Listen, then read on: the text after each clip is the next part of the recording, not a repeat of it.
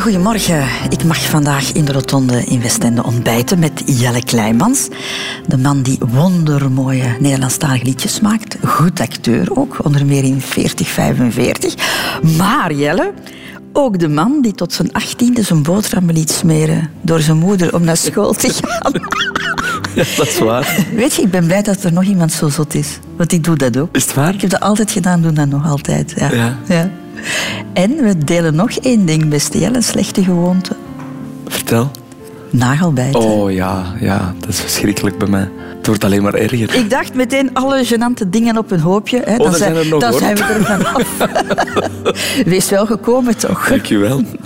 Radio 2.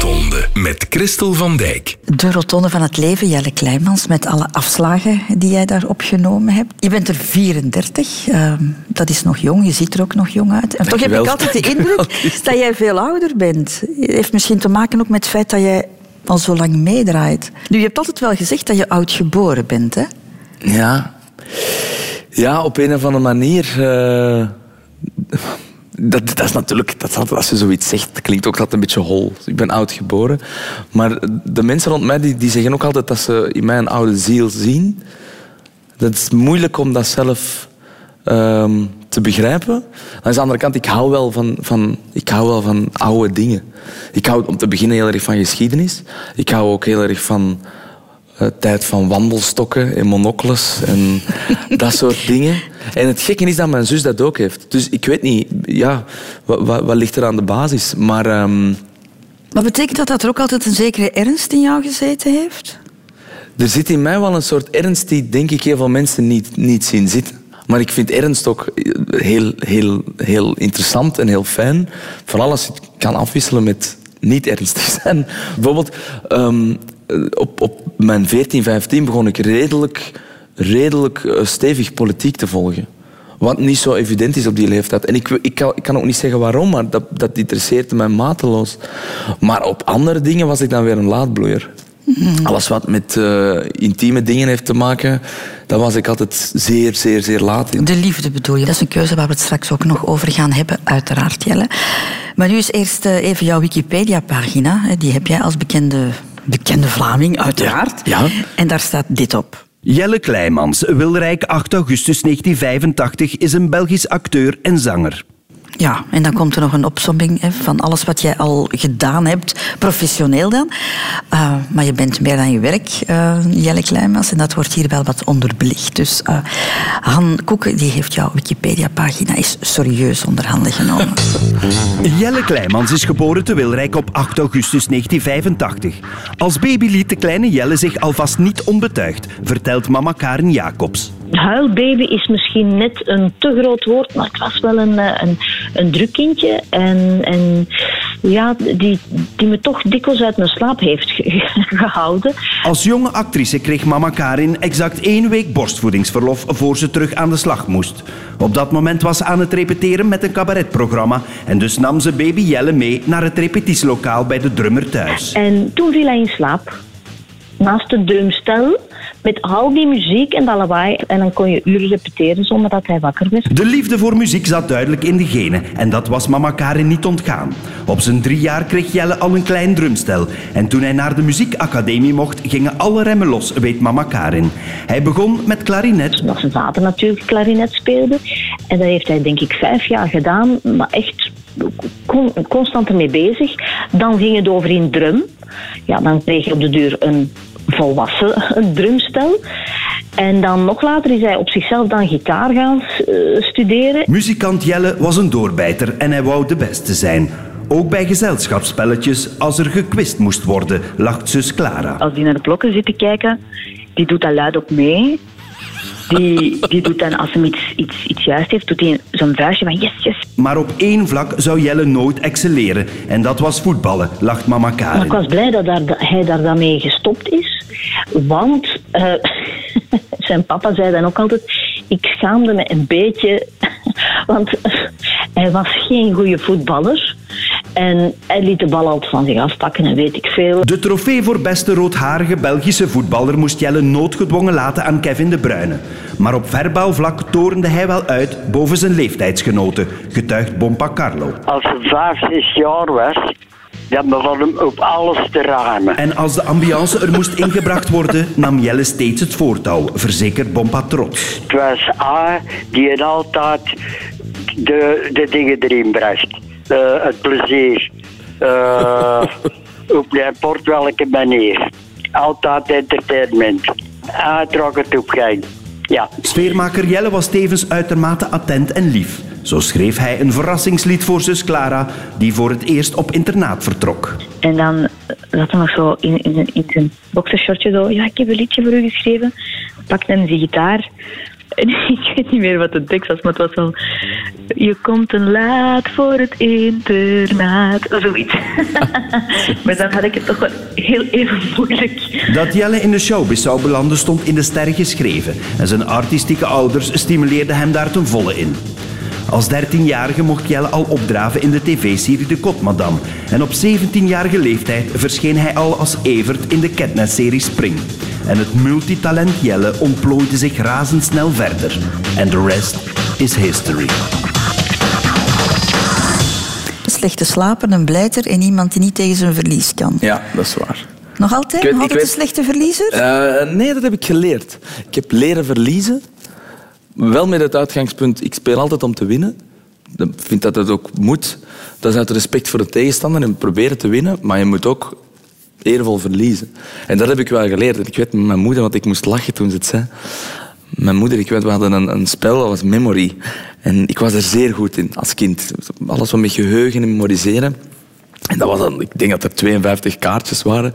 En op een bepaalde dag was mijn moeder in topvorm en, en zij had, we zijn het kaartjes aan het tellen en zij had 40 kaartjes. En het was aan mij en ik had er, eh, ik had er 50. Wat natuurlijk niet kan. Dus dat is...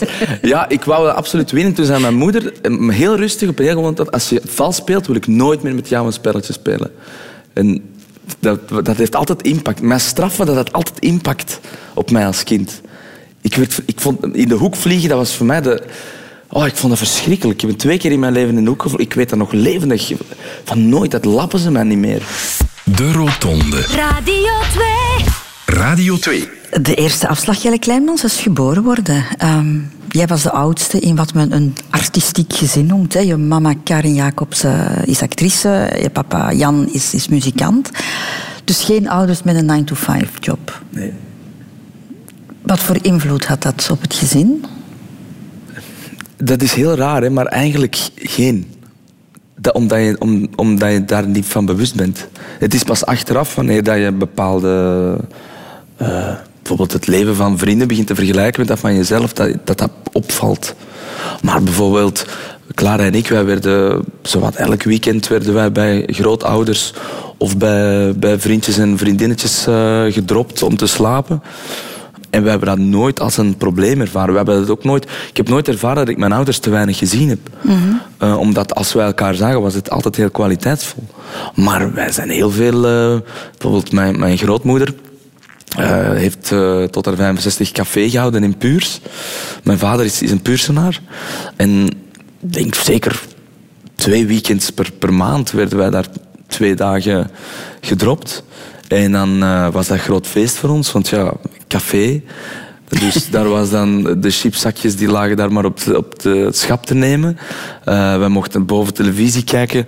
Dat, dat was al, we hebben dat altijd als heel, heel fijn ervaren. En, En ook sociale vaardigheden Ja. misschien, misschien aangescherpt ja, door omdat mijn, mijn grootmoeder dat was geen gewoon. Die, wij, wij zaten dan boven en dan televisie te kijken. Dan was het negen uur s'avonds en dan hoorden we de deur, want die, die sleepte zo'n beetje, opengaan. En zeiden ze, jongens, klaarmaken. En dan moesten mijn zus en ik tanden poetsen, pyjama aandoen. En dan moesten wij daarna naar het café, moesten we naar beneden.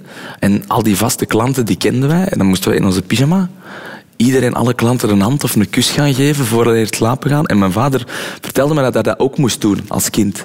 Maar je leert daar natuurlijk wel... Je komt daar heel erg uit je comfortzone als, uh, als kind. Maar, ik, maar als ik daar nu als ik daar aan terugdenk, dan zie ik van ah, daar zat de broeder, en daar zat Marcel, en daar zat Fonsken, en daar zat Alma en Zulma. En, en, en je weet dan nog, waar dat die zitten. En... Wat vonden jouw ouders belangrijk om jullie mee te geven? Behalve, denk ik dan, liefde voor muziek en, en, en liefde voor, voor taal en voor theater. Welke waarden Ehm, werden hoog in het vaandel gedragen? Respect. Voor, ehm, voor, voor, voor iedereen. Voor alles en iedereen. Nederigheid, denk ik. Ehm, zo, wat wij doen is mooi, maar het is maar wat het is. Beide voetjes op de grond Ja, blijven. beide voetjes ja. op de grond. Heel erg. Via mijn vader vooral heel erg eh, geni- kunnen genieten. Genieten van het moment. Genieten van het nu. Ik, ik wandel in Antwerpen rond en er komt, ik kom een vriend tegen van vroeger, een jeugdvriend. En dan plots met twee iets gaan drinken en de avond vordert en ook nog iets gaan eten. En op dat moment daar on- ongelooflijk van kunnen genieten. Of kunnen genieten van, van een simpele pot mosselen. Of zo. Dat heb ik heel erg van mijn vader. Via mijn moeder, niet zoals zij het bezit, moet ik er nu wel al direct bij zitten, maar toch, ik denk professionalisme. Dat is er altijd ingepeperd. Niet te laat komen, tekst kennen, eh, vriendelijk zijn, eh, dat, soort, dat soort dingen. Dat, dat heb ik wel, dat, dat, zijn, dat waren toch belangrijke zaken. Maar wij werden, wij werden heel vrij opgevoed. Er was heel veel ruimte, maar met een heel duidelijke grens. En op een of andere manier, vraag me niet, is dat toeval? Is dat genetisch? Is dat, is dat de opvoeding? Ik kan het niet uitleggen, maar Clara en ik wij waren eigenlijk echt heel brave kinderen. Ik had soms mijn kuren, zoals elk kind, dat is ook kind zijn. En dan werd er meteen korte metten mee gemaakt. Zoals ik daar juist zei, ik, ik, eh, ik ben altijd ontvankelijk geweest als het over, over straffen ging. Ik vond dat verschrikkelijk.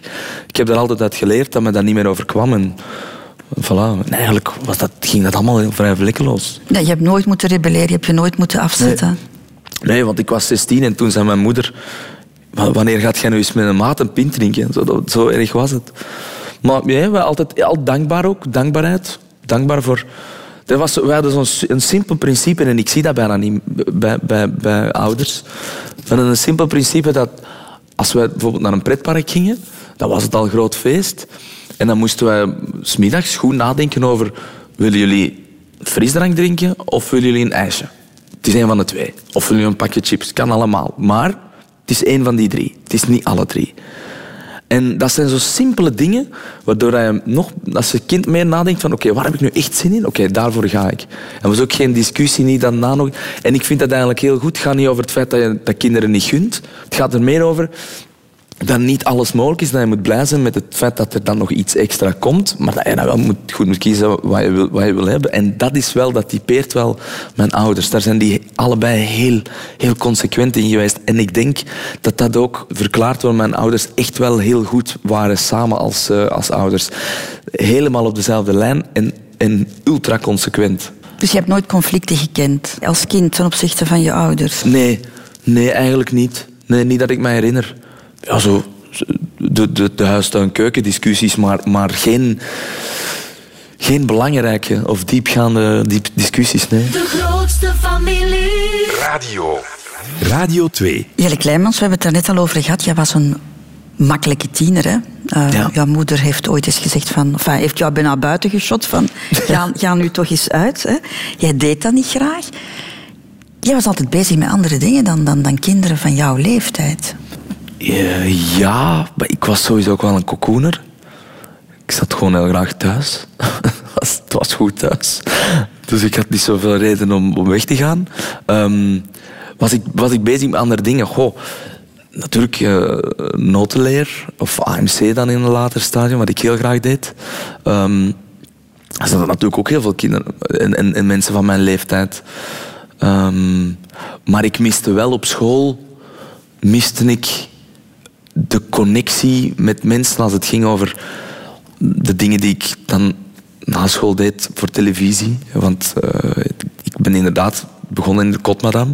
Maar als ik in het ehm, begonnen, dat was meer, ja, af en toe draafde ik eens op en dat was een hele leuke ervaring. Maar dan later heb ik een paar afleveringen van Lily Marleen meegedaan. Ik zat in Les Miserables, eh speelde ik Gavroche, Clara trouwens ook.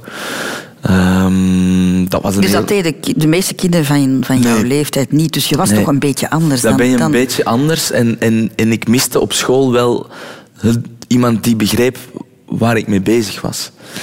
En ik denk dat dat ook verklaart waarom dat, dat Jonas van Geel en ik zo'n goede vrienden zijn geworden. Want Jonas, mijn moeder in die tijd, eh, speelde een paar televisiereeksen samen met, met Jos van Geel, met de papa van Jonas. En op een bepaalde avond kwamen zij bij ons eten en ze hadden gevraagd, mag onze zoon meekomen? En... ehm, ja, dat was natuurlijk goed. Dus Jonas die kwam bij ons en Clara en, en Jonas en ik we zaten aan tafel als kinderen. En, en wij kenden elkaar niet, maar dat was wel een heel leuk gesprek. Want plots zag ik iemand tegenover mij zitten die, eh, die echt sprak over, over acteur worden, over toneelspelen, over theater. En ik was toen bezig met Les Miserables, dus dat moet tussen mijn 12 en mijn 13 geweest zijn. Dus jij dacht, zo zijn er nog kinderen. Zijn Ja, zijn er nog.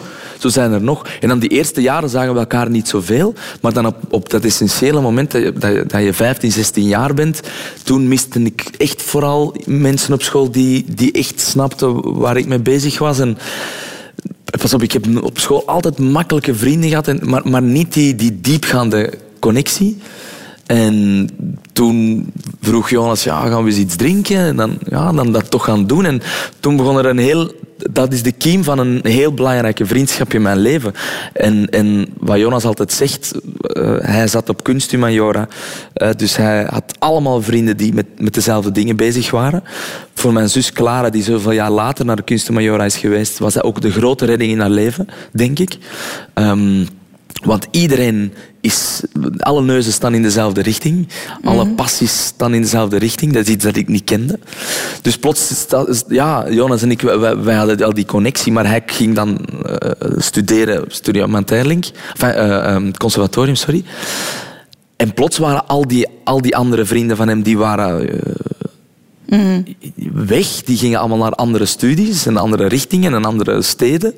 En plots zat hij alleen in Antwerpen en ik, en, en ik was er. En toen is die, die hele belangrijke periode dat, je, dat, je, dat er zoveel op je afkomt in je leven, die hebben wij samen doorgemaakt. En die heeft een band gesmeed die die niet, die niet, niet kapot te krijgen is. Dus toen wij 40-45 speelden, de eerste keer Clara, Jonas en ik, dan moest ik... Dat is echt waar, dat is niet, dat is niet een romantisch verhaal dat ik nu vertel, omdat het goed past in het programma, maar het is echt zo dat wij, dat wij gingen groeten en ik dacht, zien hier nu, zien ze hier nu staan voor een, zaal van 1660 man?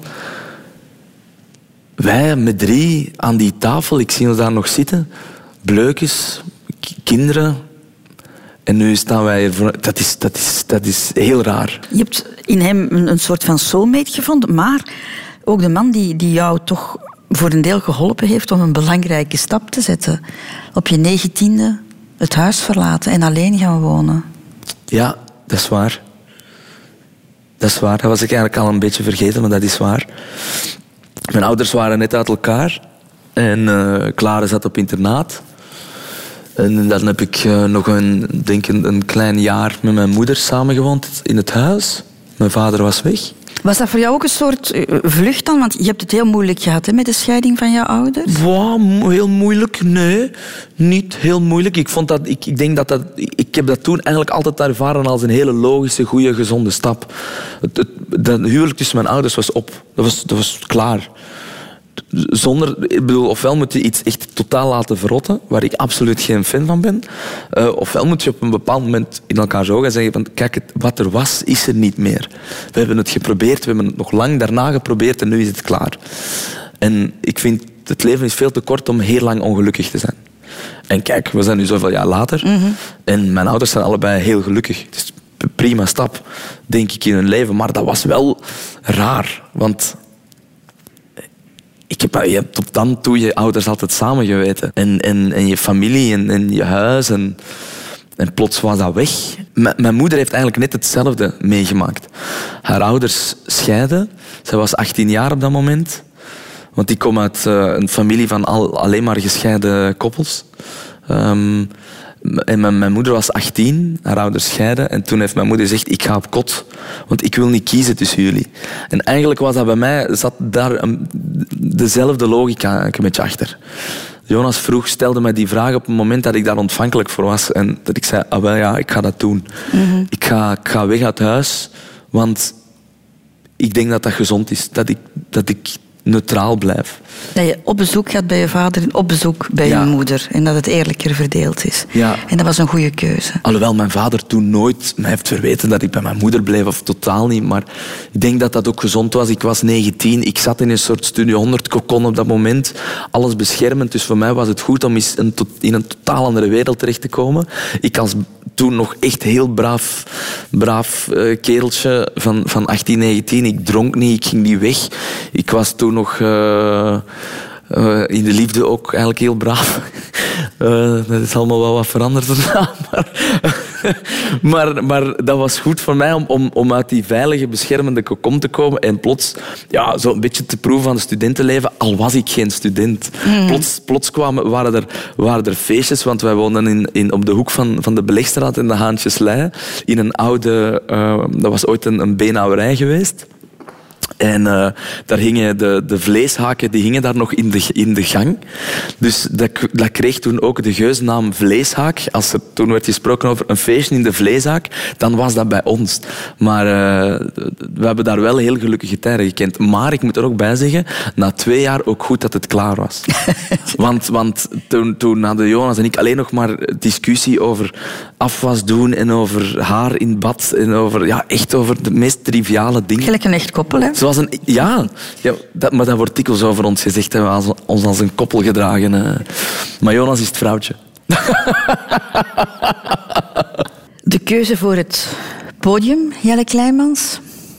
Een keuze die er misschien eigenlijk geen was.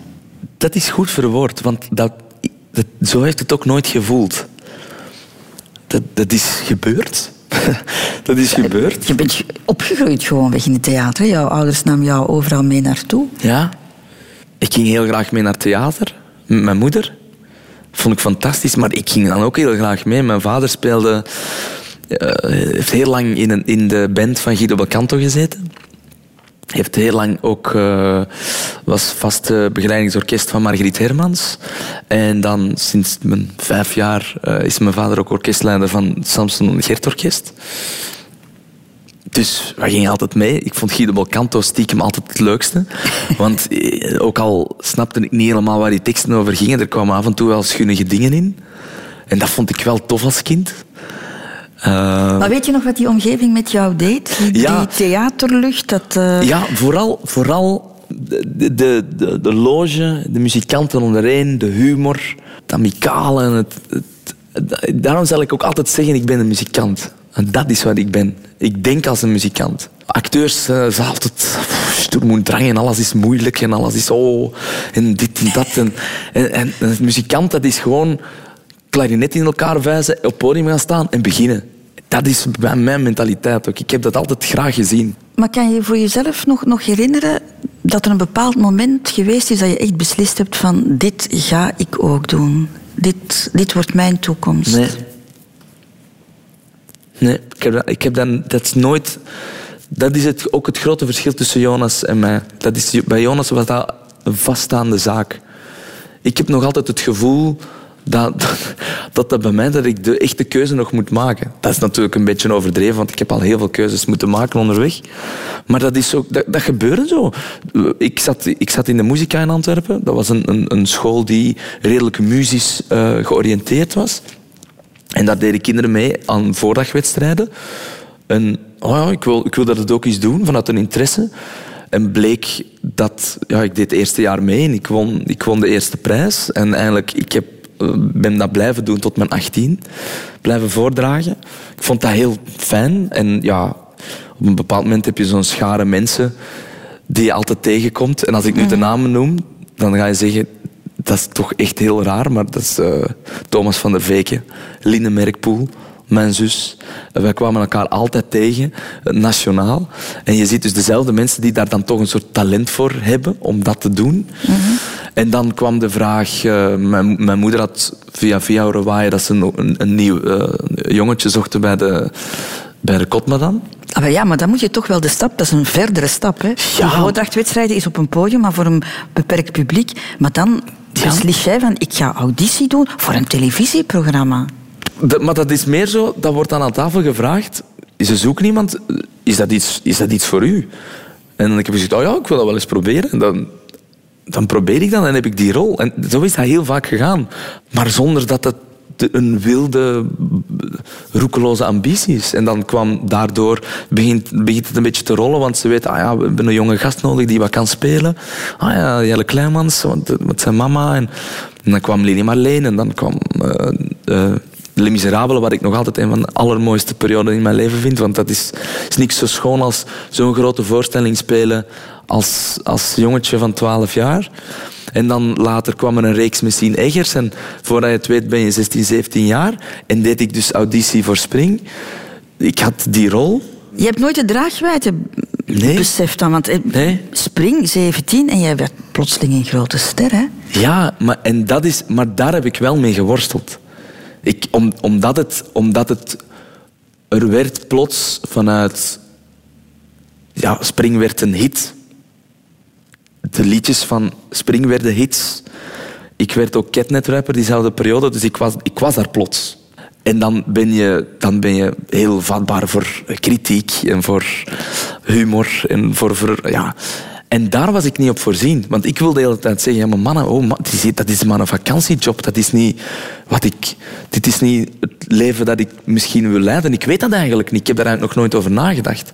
Ik wilde, altijd, ik wilde wel regie gaan doen of ik wilde dan later naar de universiteit. Of, en die rol was, dat was een, een dat was fijn om te doen. Maar, en plots was, werd, werd er eigenlijk werd er beslist, enfin beslist, dat was het lot, besliste voor mij dat dat een, een heel andere impact ging hebben ehm, dan ik had op, op voorhand had ingeschat. Maar heeft het feit dat jouw ouders ook bekend waren, heeft dat je geholpen om een zekere bescheidenheid Ja. te blijven hebben? Ja, sowieso. Ja. Mijn moeder die zei altijd, ehm, zeker met spring, zei ze, geniet ervan, want dit gaat heel rap over zijn en dan, en dan begint het pas echt. En dat is goed om te zeggen tegen iemand van 18, 19 die, die eigenlijk de rijkwijde van het succes niet goed kan inschatten. Het voordeel was wel, ik, ik was op dat moment, zoals ik daarjuist al zei, een heel, echt een heel braaf. Maar eigenlijk is dat heel goed. Want als je op dat moment 18, 19 en je verdient wat centen en je denkt, eh voilà, en ik ben er, en je gaat dan eh, s'avonds tot s'nachts uit en dan is het heel rap gedaan met je carrière. Dat heb ik al bij zoveel mensen gezien. Heel, het is maar wat het is. Maar het is wel ongelooflijk. En het is eigenlijk pas eh, twee jaar geleden in het Sportpaleis met de reunie van Spring dat ik echt zag voor mijn ogen wat de impact is geweest 17 jaar daarvoor van, van zoiets onnozel als Spring. Hoe, hoe een bepaalde generatie dat, ja, ja dat, ik heb dat toen nooit zo beseft. Je bent op je zeventiende een, een ster in, in, in Vlaanderen. De periode dat je eigenlijk moet kiezen. Wat ga ik doen? Ga ik voortstuderen of, of eh, kies ik voor die carrière? En jij beslist na je middelbaar onderwijs om niet voor te studeren. Ja. Kreeg dat applaus thuis? Ja, Toch? ja, eigenlijk wel. Ja, en dat, dat, ver, dat verraste mezelf eigenlijk ook wel. Het, het had eigenlijk vooral te maken met het muzikaal succes van Spring. Dat, hadden in, in een no time een gigantische hit. En dan kwam er een tweede nummer. En toen moest ik echt beslissen. En toen zei Gert Vroes tegen mij... Dit is een trein die niet vaak in je leven gaat voorbij komen. Je moet daarop springen. En ik heb toen ja gezegd en toen zei mijn moeder...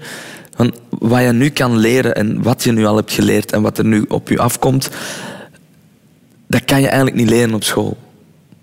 En het grote argument was ook dat ik, geen, dat ik eigenlijk nooit ambitie heb gehad om acteur te worden. Mocht ik dat gehad hebben, mocht ik gedroomd hebben van eh, ik wil in het toneelhuis gaan spelen, dan had ik dat nooit mogen doen. Maar dat was, dat was niet de ambitie. Dus mijn moeder zei, ga ervoor en je, en, je zal, en je zal wel zien. En is binnen vier jaar over, dan ga je binnen, binnen vier jaar studeren.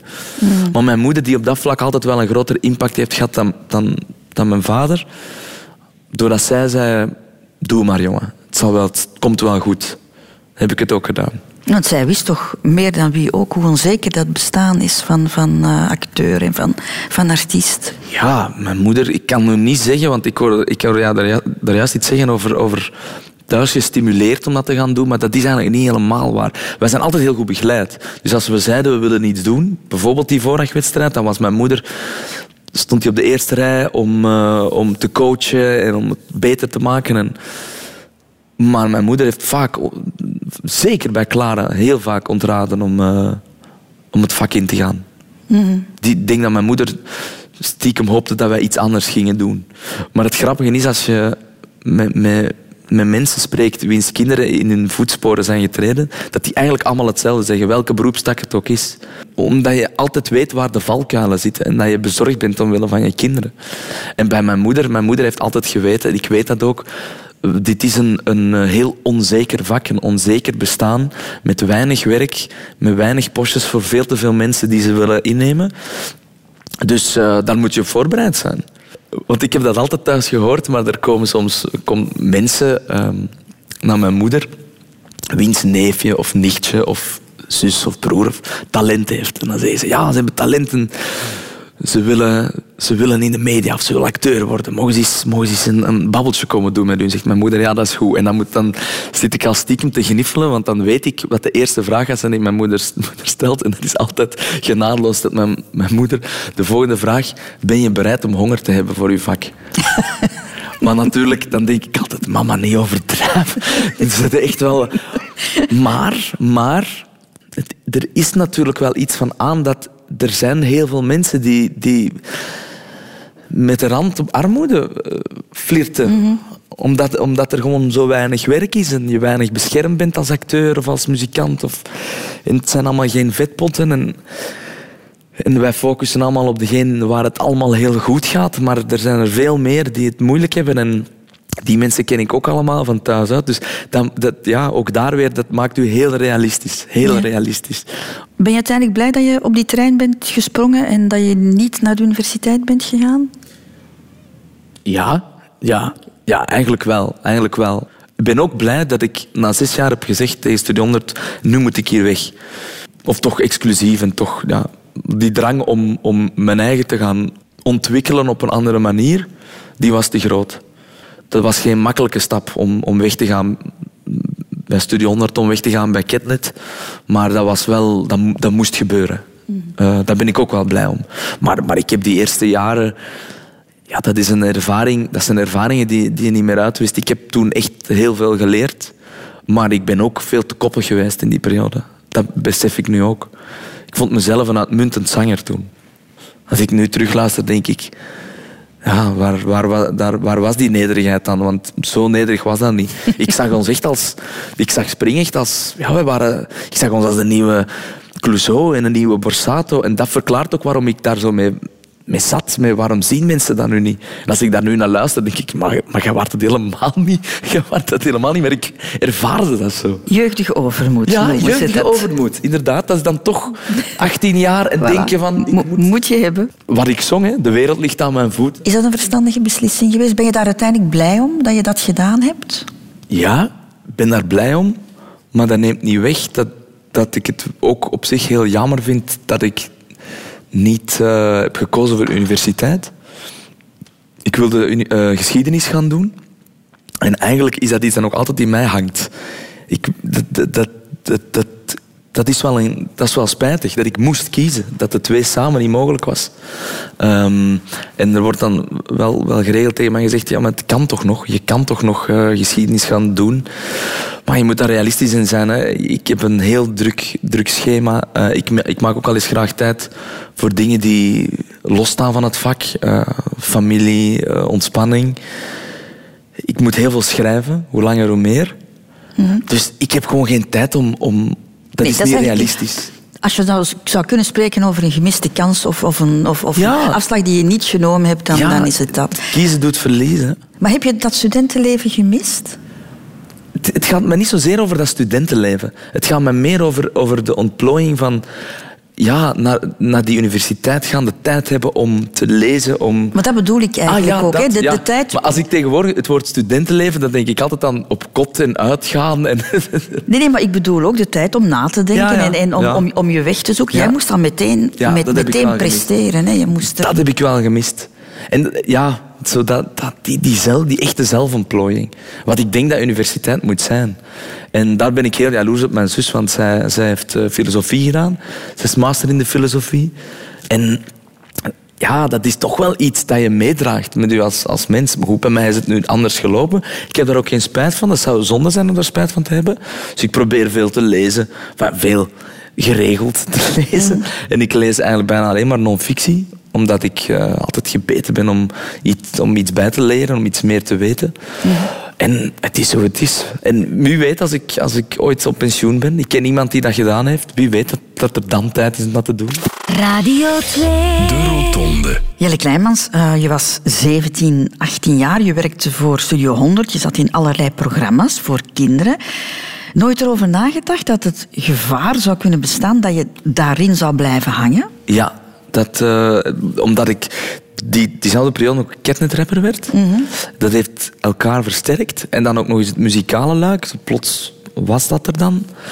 En, um, en je bent dan ook in de, in de hoofden van mensen, ben je inderdaad... Je staat op hetzelfde level als een kind, hè. Dat, dat kan niet... Die, die, je, alsof je voor kinderen werkt, je dan ook niet gewoon zelf een volwassene bent met volwassen ideeën. Dat is iets heel raar. Dat heeft jou dat gefrustreerd? Ja, dat heeft me zeker ja, dat heeft me gefrustreerd. Maar ik begrijp, ik begrijp dat ook. Achteraf gezien begrijp ik dat allemaal. Dat heeft ook met ongeduld te maken. Met dan toch een soort brandende ambitie die er dan op dat moment wel was. Um, waardoor je jezelf gaat vergalopperen. Bijvoorbeeld... Um, ik heb twee jaar uh, Eurosong for Kids gepresenteerd. Uh, met, met, Ilse. Ilse van Hoek. Um, ik was daar niet klaar voor. Daar heeft de ambitie ervoor gezorgd dat ik daar ja op heb gezegd, terwijl eigenlijk ik daar niet klaar voor was. En dat gewoon had moeten wachten totdat ik iets iets meer ervaring had om dat te doen. Dus iets te snel willen rennen, terwijl ik nog, toch nog aan het kruipen was. Op dat moment. Maar dat komt wel vanuit, ik wil... Ik wil het simpel voorbeeld. Wij speelden met Spring altijd smiddags. En ik vond dat verschrikkelijk. Ik wou s'avonds spelen. Want s'avonds spelen, dan speelt je bij de echte groepen. En nu speel ik alleen maar s'avonds en ben ik blij dat ik een keer smiddags kan optreden, dat ik s'avonds iets kan gaan eten met een vriend. Zo, dat, is, dat is raar, dat, maar op dat moment was dat, een, was dat belangrijk. En dat was moeilijk, want je bent geen echte zanger, want je bent een zanger voor kinderen. Je bent geen echte acteur, want het is maar voor kinderen. Je bent geen echte presentator, want je presenteert maar voor kinderen. En dat vind ik een verschrikkelijke... Dus je vond dat je niet au serieus genomen werd, of niet volledig au serieus? Het gaat niet over zelfs au serieus, het gaat over, over ja, dat dat altijd wat neerbuigend wordt over gedaan. Over, als het voor kinderen is, is het, is het onnozel. Mm. En dat is flauwekul natuurlijk langs de andere kant begrijp ik wel dat credibiliteit, dat hoe ouder ik word, hoe meer dat ik dat besef, dat credibiliteit ook iets is wat je moet verdienen en waar je voor moet werken.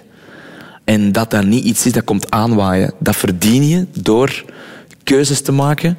Keuzes te maken eigenlijk altijd richting kwaliteit. En dat heb ik in die periode niet altijd gedaan omdat het ook niet ging. Omdat het wel helder was dat niet, ik besliste niet of we al dan niet een bepaald lied gingen opnemen. Anderen beslisten dat. Ik besliste niet over de tekst. Anderen beslisten dat. En dat had ik wel rap door. Als ik dat niet verander, dan blijf ik altijd in deze positie zitten. Dus ik moet dan maar eens de stap zetten naar mijn eigen muziek maken. Uh, of, of ja, en nee zeggen tegen dingen. Mm En die, dat heb ik dat heb ik die periode wel geleerd. Want ja, credibiliteit, dat moet je verdienen. Hoe groot was jouw zelfvertrouwen in die periode? Nou, niet, niet, toen niet zo groot. Toen niet zo groot. Dat is eigenlijk... Ik herinner me dat ik... Uh, eigenlijk heeft Frank van Laken... Die man ben ik heel veel schuldig. Frank is... Uh, um, vooral musicalregisseur, doet ook heel veel opera's, maar um, hij, ik kreeg telefoon van hem, ik denk in 2007, met de vraag of ik Kuifje wilde spelen. En voor mij was dat een bevrijding. Dat is de bevrijdende rol geweest. Plots mocht ik iets anders doen. En, uh, en ik weet nog dat ik toen met een, een, een acteur die, die meespeelde, uh, een collega van mij, Steve de Schepper, speelde professor Zonnebloem. En ik zei altijd, ja, maar ik, ik, die periode zei ik altijd, ik ben geen echt acteur. Ik, ik ben geen echte zanger. En toen zei Steve de Schepper, stop daar nu een keer mee. Stop nu eens met dat te zeggen. Want dat is ten eerste niet waar. En ten tweede, je haalt jezelf onderuit en ik snap niet goed waarom. En toen zei ik tegen hem, ja, maar dat is een soort bescherming. Want, ja, want de, de, de, de schrijvende pers en de recensenten en ik word toch alleen maar neergesabeld. Dus kan ik maar beter op voorhand al maar zeggen ja, dat ik toch geen echte, ik ben geen echte zanger. Ik ging mee in dat discours. En dat is natuurlijk verkeerd. En toen heeft hij zei, stop daar nu een keer mee. Je speelt die, rol en je speelt met verven en, en, en, en u. En, en dan kwam gelukkig voor mij, kort daarop, kwam Daans. Eerste uh, volwassen rol, er, ernstiger werk, laat ik het zo zeggen. Lucas van den Einde, Jodemeijeren. En dat heeft mij helemaal uit een bepaalde sfeer getrokken. Als acteur kon ik mijn karken aanhangen bij grote namen zoals die van Lucas en Jo. Um, en ik heb daar zoveel geleerd. Ik heb daar heel veel vertrouwen ge gekregen. Dat had je nodig op dat ik moment? Ik had dat nodig. In de morgen stond dan zo... Want ik weet dat dan allemaal nog. om maar te zeggen hoe belangrijk dat, dat voor mij was. In de morgen stond... Wij zien niet meer die, die knaap van Ketnet. We zien plots een acteur staan die een rol speelt. En dat was voor mij zo belangrijk. Daar was ik naar op zoek. Dat was een bevrijding. Dat was echt een bevrijding. Maar heb je zo het gevoel dat je zo neergesabeld werd op een bepaald Ik heb wel dat gevoel, ja. Als er een recensie verschijnt over, over Windkracht 10 en, de eerste zin in de recensie is dat Jelle Kleinmans niet kan zingen, dat weten we al, maar dat hij zo'n slecht acteur is, dat was voor ons een ook verwonderlijk. Ja, als je twintig jaar bent en dat leest, dat is stevig, hè? Dat is stevig. Dat, dat, dat, komt binnen. En, en geloof me vrij, wat acteurs en elke vorm van kunstenaar ook, ook zeggen, als je een recensie leest waarin je wordt neergesabeld, dat doet pijn doet pijn. Dat, dat komt binnen, daar denk je over na. En dat is goed, want daar word je ook sterker door. Of zwakker, maar dan, dan ben je niet gemaakt voor deze wereld. Of je moet zeggen, er komt een soort woede van, ik, nee, nee, ze zijn verkeerd. Was dat bij jou? Ja, tuurlijk, maar gezond. Hè? Ik, ik zeg dat nu, ik zal dat nooit, ik zal nooit toen geageerd hebben, maar wel, ze zijn verkeerd, ze zijn mis. En, en ik moet gewoon blijven werken. En toen ik de, de stap maakte naar eigen muziek, toen kwam ik mijn, mijn manager Wim Schuur tegen. En het is van hem dat ik heb geleerd van geduld te hebben. Hij zei, heb nu eens geduld. Werk nu eens. Maak nu eens je plaat. Ga nu eens toeren. Ga nu eens voor honderd man terug met een gitaar staan. Word nu eens terug nederig. Ga nu eens gewoon terug doen wat je echt wilt. Wilt je, wilt je, wilt je zanger worden met een eigen repertoire, met, met, met teksten die ergens over gaan? Dat is goed, maar dan gaat je ervoor moeten werken. En ja, dat, tot dan toe was dat iets dat ik niet kende. Want alles ging vanzelf. En plots stond ik voor, voor 100 man. En dat is even slikken de eerste keer. Of zelfs voor 50 man, 60 man. Ik weet, hij stond een berg, het cultureel centrum daar. Dat is een, een bak van 800 man. En ik stond er met mijn band en dat was 80 er zaten 80 mensen in de zaal. En dat wil zeggen dat de twee eerste rijen gevuld waren. Ja, dat is even oké, oké, oké, maar we gaan ervoor. En dan begint je te leren. En dan begint je te schaven aan, aan wat, een, wat een werkelijke carrière moet zijn. Maar dat, dat, dat heb ik dan pas geleerd. Maar goed, als je het maar leert, wanneer je het leert, maakt niet uit. Maar ik wist wel, oké, nu, nu kies ik voor de, voor de lange termijn. Nu is gedaan met korte termijn denken, met ja zeggen omwille van een soort uh, ambitie die, die blind is. Nee, nu zeg ik ja alleen op dingen waarvan ik denk, dit brengt mij verder en hier heb ik zin in. Zei je ook ja op dingen omwille van het geld ooit? Ik denk dat het niet erg is om, om, om af en toe ook op, op geld ja te zeggen. Ik denk dat, dat, iedereen, dat, dat iedereen dat doet. Want dat geld dat je bijvoorbeeld met een bepaalde opdracht kan verdienen, en dat soms misschien een, een fijn bedrag kan zijn, kan u ook in staat stellen om dan te zeggen, en nu ga ik een maand uh, mij afzonderen en ga ik liedjes schrijven, waarin ik, waar ik niks mee verdien. Dus het is ook niet zo erg om af en toe voor geld te kiezen, maar waar ik niet meer doe, is louter voor geld kiezen.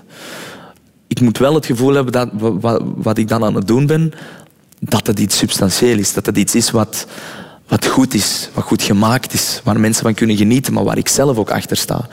Als ik er niet meer achter sta, dan zal ik het niet meer doen. Want dat, dat, daar heb ik geen zin meer in. Ik heb geen zin meer om liedjes te zingen waar ik niet achter sta. Bijvoorbeeld, ja, ja, dat is echt een trein naar Oostende, daar heb ik het altijd moeilijk mee gehad met dat lied. Ik heb er altijd nog altijd... Eh, Geert Verhulst lacht me er nog altijd mee uit. maar ik heb altijd... Als aan mij had gelegen, ik had dat nooit opgenomen. Mm op zich is dat geen slecht lied, maar ik heb daar niks mee. Ik heb toen ook gezworen, dat doe ik niet meer. Ik, ik, ik heb daar geen zin meer in. Ik doe alleen nog de dingen waarvan ik zelf denk...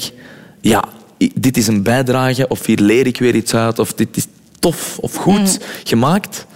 En als het dat allemaal niet meer is, dan doe ik wel iets anders. En dan gaan we het nu over de liefde hebben, Jelle Kleimans. Yes. Mag ik jou even citeren? In 2004, 19 jaar, 19 jaar. zeg jij daarover in een interview... Dat is mijn kleine privétuintje. Ze mogen alles van mij weten, maar dat hou ik voor mezelf. Ah, ja. 19 jaar. Ah, en, ja. en al zo... Ik vind een stoere uitspraak. Als, alsof dat er ook weet niet wat gebeurd was in jouw leven. Op dat Zeker niet op dat moment. Ah, maar er moest wel nog veel komen, ze Christel. ja. Ah ja, ja, ja. Ja, maar dat, ik vind dat wel eh, verstandig dat ik dat Het is, een mooi, maar het is heel mooi. Maar ik bedoel, er was op dat ogenblik nog niet veel. hè, Ik had een liefje, denk ik. Ja. Ik had zo'n een, eh, mijn eerste lief, of mijn tweede. Het zal op dat moment mijn tweede geweest zijn. En ehm, dat was allemaal heel mooi. En, en ja, eerste verliefdheden, eerste keer met iemand naar bed gaan. Dat is allemaal dat is prachtig, hè? Eerste kus, een televisiekus of een filmkus? Ja, ja, ja eerste 15 kus. ja, nog, Eerst- nooit, nog nooit gekust. en dan nee, moest dat- echt die- laadbloeier op dat vlak. echt een laadbloeier op dat vlak. Ehm, maar ik heb dat nooit, ik, ik, ik heb nooit dat leuk gevonden om dat te delen met de rest van de wereld. Nee. Zo, vooral omdat ik ook weet, je hebt dan een lief en daar wordt dan een foto van getrokken en dat verschijnt dan in een of ander boekje. En dan twee maanden later is het gedaan en dan komt die foto nog eens in dat boekje en dan denk ik, oh, ik heb daar niks mee. Ik vind dat heel leuk om, als ik zelf bij een dokter zit, om dat van andere mensen te weten, maar ik, maar ik zelf moet daar niet in staan met dat soort van eh fait divers. ik weet niet, dat is misschien... Liefde is geen fait divers, hè, beste Jelle. Nee, maar, maar op dat moment, van die kalverliefdes wel. Hè. Dat, dat zijn fait divers. Hè. En, en, en mensen willen dat dan allemaal weten. Maar nee, ik, ik vind het heel leuk om dat toch voor een groot deel af te schermen. Mijn, mijn liefdesleven. Ja. alhoewel, alhoewel in mijn muziek ik eigenlijk heel openhartig ben. Ik, ik schrijf, mijn eigen nummers zijn, zijn, zijn heel autobiografisch en gaan daar heel vaak over. Maar die zijn dan altijd verwerkt in, in, in een tekst die vooral ik heel goed begrijp of zo. Maar, maar naar interviews toe en, en foto's. En, nee. M- Mijn, mijn, de, de langste relatie die ik heb gehad met Katrien, zij was daar ook heel duidelijk in. Kijk, dat is, dat is uw carrière en, en, en jij wil in de media komen en in de belangstelling. Allemaal goed en wel, maar ik heb daar niks mee te maken en ik wil dat ook graag zo houden. Dat was heel duidelijk van in het begin ook. Dat zij daar, zij, zij vond dat verschrikkelijk om... En ik heb er ook altijd geprobeerd, dat is niet altijd gelukt, maar wel geprobeerd om, om haar zoveel mogelijk te beschermen daarvan. Zullen we het dan een beetje algemeen houden over de liefde? Dat is hè, goed. Beste Jelle. Je hebt veel liefde gezien bij jou thuis, hè? jouw Ja. ouders. Hè? Mooi koppel. Op een bepaald ogenblik gaan ze uit elkaar. Ja. Heeft jou dat beïnvloed in, in jouw kijk op relaties? Geen flauw idee. Ik heb wel een, een kijk op relaties die wat anders is dan hoe de meeste mensen daarop kijken. En ik, ik heb me de laatste jaren wel afgevraagd of het daar iets mee te maken zou hebben. Grootouders langs vaderkant gescheiden, langs moederskant gescheiden, mijn eigen ouders gescheiden. Het zou kunnen. Het zou kunnen, alhoewel, alhoewel wij, zoals je zegt, heel liefdevol zijn grootgebracht. En ik ben mijn ouders voor één ding heel dankbaar.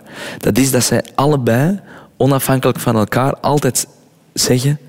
Ik had met niemand liever kinderen willen hebben dan met die persoon. En hoewel wij onze discussies hadden, onze vetes hadden... en op een bepaald moment het heel moeilijk werd tussen hen... zeiden ze wel altijd...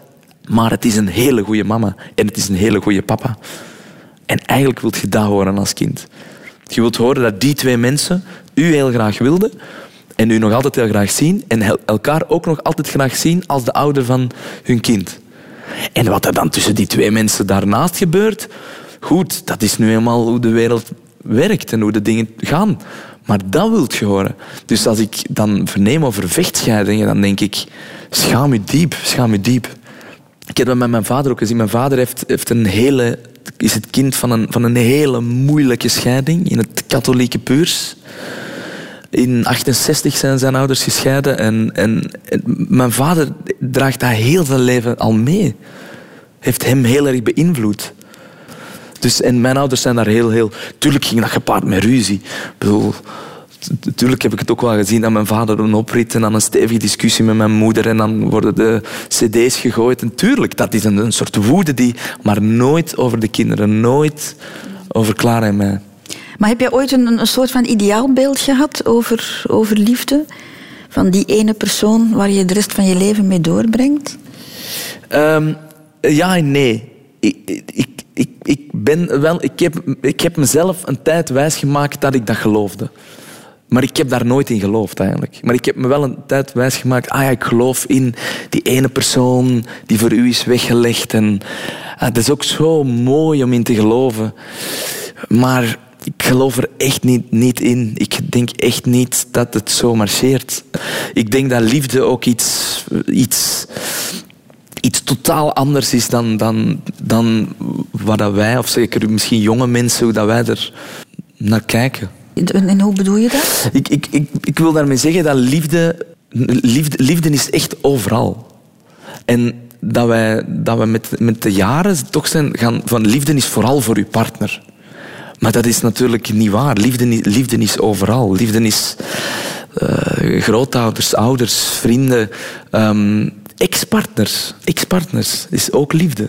Dat, dat, ik vind dat dat veel te vaak wordt vergeten, hoe, hoe belangrijk dat is. Wij zijn, wij, zijn, wij zijn altijd maar... En ik hoorde dat Johan Verminnen bij jou zeggen in de rotonde van iedereen die je tegenkomt, ook op, op liefdesvlak, draag je een stuk met u mee. En ik hoorde hem dat zeggen. Ik dacht, ja Johan, dat is zo juist. Ik ervaar dat ook zo. Liefde is veel meer dan alleen maar we hebben nu een relatie en dan is het gedaan en dan is de liefde plots weg. Dat is toch gek? Dat, dat klopt toch niet? Natuurlijk is daar nog altijd liefde, maar die is anders of zo. Maar het klinkt, het klinkt een beetje uh, vaag hè, wat ik nu zeg. ik, hoor, ik, ik, begrijp het wel. Maar um, dat wij alles zouden reserveren voor één iemand, vind ik een heel raar concept. Seksualiteit is ook zoiets. Eh, seksualiteit wordt altijd in één adem met liefde genoemd. Dat, die twee horen altijd bij elkaar. Ik, ik weet dat niet. Ik weet dat echt niet. Ik weet niet of dat zo is. Bijvoorbeeld, Katrien, eh, we zijn tien jaar en een half samen geweest. Um, ik heb ongelooflijk veel liefde voor die vrouw. Nog meer dan vroeger. En, en, en vice versa. Hoewel je niet meer samen bent. Wij zijn niet meer samen, nee. Maar wat is in een name? Wat, wat is dat? Wat, wat is een goede relatie? Dat is heel persoonlijk. Ik vind dat ongelooflijk om te merken dat er geen dag voorbij gaat dat wij niet minstens vijf sms'en aan elkaar hebben gestuurd. Sava, alles goed, wist op het werk. Dat is liefde. is... Een relatie is denk ik vooral hoe langer, hoe meer... Hoe ouder ik word, misschien is dat ook wel, is echt zorgen voor elkaar.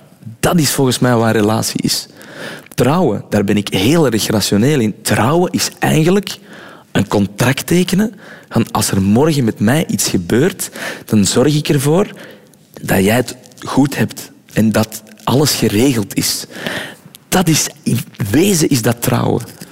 Mhm. Dat heeft eigenlijk niks met romantiek te maken. Daar kun je een romantische lading aan geven. En dat is prachtig. Maar eigenlijk is dat niet de essentie van wat dat is. Radio. Radio 2. Over de afslagen van het leven. De Rotonde. Beste Jelle Kleimans, zullen we nu eens doodgaan? Oh, liever niet. Ja, laatste afslag. Hè? We gaan er toch even over nadenken. Ik ben ook maar 34, Christel. Ja, ja, ja. ja, ja, ja. Wat komt eraan, ooit? Ja. Je wordt er ook gemakkelijk van, precies. Ja, dat is, dat is, dat is, ik vind dat geen fijn vooruitzicht. Ik zoek nog altijd naar een manier om daar op een, op een bepaalde manier naar, naar, naartoe te leven of naartoe te kijken, maar ik vind dat. Ik heb daar wel angst voor. Ik vind dat geen, geen, geen prettig iets dat het eindig is. En langs de andere kant vind ik het fantastisch dat het eindig is, want anders zou ik niet van alle, van alle momenten zo genieten. Anders zou ik niet genieten van het feit dat wij hier nu zitten, dat, dat de zee hier achter jou prachtig aan het golven is. Dan zou ik, zou ik daar minder attent voor zijn. Dus dat is ook een zegen dat we, dat we sterfelijk zijn, maar ik vind het niet zo fijn. En wat vind je er niet zo fijn aan? Het feit gewoon dat het... Een beetje FOMO. Fear of missing out. Bang om... Alles om... wat je gaat missen. Wat Ja, ik ga zoveel missen. Terwijl ik eigenlijk ook niet vind dat de wereld op- in zo'n leuke richting aan het, aan het evolueren is. Maar, maar dan toch, zo, wat zou er allemaal nog komen en, en wat, wat, wat ga ik allemaal niet geweten hebben? Langs de andere kant vind ik het heel prettig te weten dat ik deel uitmaak van een keten. Van een heel klein stukje geschiedenis dat wij hebben gekregen van al die mensen die voor ons zijn geweest en dat wij doorgeven. En zijn een heel klein stukje van, van een, een ellenlange keten. En dat vind ik wel een, dat vind ik een toffe gedachte. Het feit dat je zelf ook gaat Ja, doorgeven. door, en, en ik, vind, ik zeg ook altijd, als ik mezelf wil troosten over het feit... Stel dat ze ooit de keuze hadden gegeven. of niet geboren worden, ofwel, laat ons zeggen, 80 jaar, dat- eh, 80 jaar op de wereld rondlopen en daar van alles meemaken. Wat zou je dan kiezen? Ja, dan zou ik altijd voor die 80 jaar kiezen. Dus ik ben heel blij dat ik hier ben. Is het het niet fijn vinden eh, of is het ook schrik hebben voor? Nee, niet, niet schrik. Het feit dat het licht uitgaat, daar ben, dat, dat, dat het plots weer donker gaat zijn. Zo. Ik, ga, ik eh, ben een, een overtuigd atheïst. Ik, ben er, ik, weet dat er niks meer is na de dood. Dus dat is, dat is wat ze zeggen. Hè. Dat is, dat is, is dat niet leuk. Hè. We hebben geen vooruitzicht meer. Het gebeurt nu. En, Zit er niks van spiritualiteit in jou? ja, ik, geloof wel, ik geloof wel dat, dat, dat, alles, eh, dat alles een circle of life is. Dat geloof ik wel. Maar dat heeft niks met mijn bewustzijn te maken. Ik ga, ik ga dood zoals iedereen. En ik mag hopen... Ik, ik las Sapiens van Harari las ik dat ze er echt mee bezig zijn. Dat tussen dit en 50 à 100 jaar het eeuwig leven mogelijk zou zijn. Ik mag hopen van niet. Hè. Ten eerste omdat ik dan jaloers zou zijn op degenen die dat dus wel kunnen. En dat zullen de rijke stinkers zijn. Eh, ten tweede omdat, eh, omdat ik denk dat we dan voor een gigantische ramp gaan staan. En ook voor een ethische uitdaging. Want wat is, eeuwig leven is ook niet zo... Dat is uitzichtloos. Hè. Je bent er wel erg mee bezig hè, met, met dat soort dingen, met het leven, de eindigheid van het leven. En ik zeg jou nu dat, want jij, jij, zal het je waarschijnlijk niet herinneren, maar ooit in de coulissen van de Eregalerij hebben wij daar een gesprek over gehad. Jij was zo'n boek aan het lezen over hoe, hoe de eindigheid, ehm, het besef dat het leven eindig is, onze manier van leven veranderd heeft. Ja, er zijn heel veel, heel veel psychologen die, die daar nu over schrijven. Over het feit dat waar we vroeger goed moesten leven om in een hemel terecht te komen, dus dat we toch moesten proberen het hier zo goed mogelijk aan te pakken, eh, dat nu de, de, het grootste deel van de mensheid ervan overtuigd is dat het nu moet gebeuren. We moeten het nu allemaal doen. We moeten ons nu ontplooien. We moeten nu genieten. We moeten nu fijne dingen doen. En, en dan is het gedaan. En daardoor leven mensen met een, he- een, in een heel andere ideologie, een heel andere optiek. Want het is eindig. Terwijl vroeger moest het nog, moest het nog beginnen bij de dood. Ja, dit was een wachtkamer. Hè? Dit was een wachtkamer en, dan, en dat, heeft, dat heeft inderdaad wel heel veel veranderd. Maar er is heel veel te doen over het individualisme. We denken allemaal heel erg individueel. We zijn vooral met onszelf bezig. Dat is waar. Maar ik denk dat het een, een evenwicht moet, moet zijn, want zo erg is dat niet. Ik vind het goed dat mensen zich willen ontplooien. Maar het, het- levert ook druk op. Hè? Het moet nu gebeuren, in die 80 jaar. Ja, dat is waar. Maar dat is nu jammer genoeg de realiteit. Daar kunnen we nu niet zo... En we zeggen nu 80 jaar, maar dat kan ook veel eerder, het kan veel eerder gedaan zijn. Eh, Dat is nu eenmaal hoe het, hoe het is, maar dat maakt het ook wel, dat maakt het wel boeiend. Kan ik zeggen dat jij op het gebied van verlies en afscheid nemen gespaard bent gebleven? Voorlopig wel. Ja, ik, mijn grootmoeder, eh, langs moederskant, is overleden eh, bijna drie jaar geleden. En ehm, voor de rest, mijn dierbaren die zijn er nog. Maar ze worden wel ouder. Mijn grootouders worden wel echt ouder. En je wordt zelf altijd maar drukker. En dan, tegenwoordig is er ook nieuw leven in onze familie. Dus daar gaat ook veel aandacht naartoe. Dus je gaat dan weer iets minder naar de grootouders. Dat is allemaal niet zo gemakkelijk. En, maar verlies is inderdaad... Maar loslaten op zich is, is, is een onderdeel van het leven. Hè. En dat is heel moeilijk. En ik denk, bij mijn grootouders probeer zoveel mogelijk momenten mee te nemen, maar ik mag er niet aan denken dat mijn ouders er niet meer zijn. Dat mag ik echt... Dat, dat, dat, dat, dat weet ik niet. Dat weet ik niet hoe ik daarop ga reageren. Dat vind ik een heel, heel raar idee. Dat dat ooit zal zijn. Dat vind ik eh, heel beangstigend. Dus ik ben daar wel mee bezig. Ik, ik, ik probeer heel vaak tegen mensen te zeggen... hey, ik zie u graag. Hè. Het kan nooit kwaad van dat eens een keer te zeggen. Jelle Kleinmans, 34 jaar verleden, heb je al achter de rug. Ik wens jou nog een hele mooie toekomst. Dank u wel. Zijn er dingen die je eh, nog wil doen in die pakweg, laat ons zeggen, v- 50 jaar die je nog hebt? Goh. Ik wil eigenlijk heel graag blijven schrijven. Ik zou heel graag eens een keer een hit schrijven. dat is echt zo nog een, een ambitie van mij. Ik blijf dromen van een, een, ooit toch een praatprogramma, talkshow. Maar dat is een droom waar die, als ik die niet kan verwezenlijken, is het ook zo. Dan is het ook televisie? goed. Ja, Of op de radio, kan ook. Maar iets dat, waar het zo wat vlees aan zit, zoals dit soort van interview. Dat is fijn om iets meer over iemand te weten te komen, denk ik. Daar, daar, daar droom ik nog wel van, maar als het niet is, is dat ook goed. Maar het is goed om dromen te hebben, hè? Tuurlijk, je Dat houdt je wakker. Je denk ik. Nee? En misschien ooit, ooit nog wel eens papa worden, maar dan weet ik niet of dat, dat realistisch is. Dat zullen we dan wel zien als het zover is. Nochtans wou je dat ooit jong doen, hè? Ja, dat- Daar dat is was- er niet van gekomen. Dat was het plan. Maar zo zie je maar, dat is zo schoon. Hè? Dat dan de plannen, het leven loopt anders dan dat je het zelf plant. Ja, en je moet het nemen zoals het komt. Hè? Is zo, Ja. is zo. Ja, het was heel fijn om eh, met jou te praten hier. Eh, om eens even jouw geschiedenis nog eens eh, onder de loepen te brengen, in kaart te brengen. En ja, eh, vanaf jouw jeugd was er eigenlijk maar, maar één rode draad. En dat is dat podium. Hè? Ja, het podium. Mhm. Dank je wel daarvoor. Eh, bedankt. dan is er nog het gastenboek. Ja? Dat is het laatste wat ik van mijn gasten vraag. En ik zou ook graag hebben dat jij er iets in schrijft, Jelle. Met veel plezier. Lieve Christel, mag ik je hartelijk danken voor de invitatie in jouw rotonde. Voor een babbelkous als ik is het een heerlijk gevoel om eens twee uur oog in oog met de ruisende zee op de achtergrond te kunnen keuvelen. Ik wou je graag nog een zin uit het oeuvre van mijn grote voorbeeld Maarten van Roosendaal meegeven. We zijn hier om te leren en dan kan er iets fout gaan. Ons gesprek deed me dan voortdurend aan herinneren. Het geeft mijn levensvisie prachtig weer. Nogmaals, veel dank voor het warme ontvangst. Jelle Kleimans.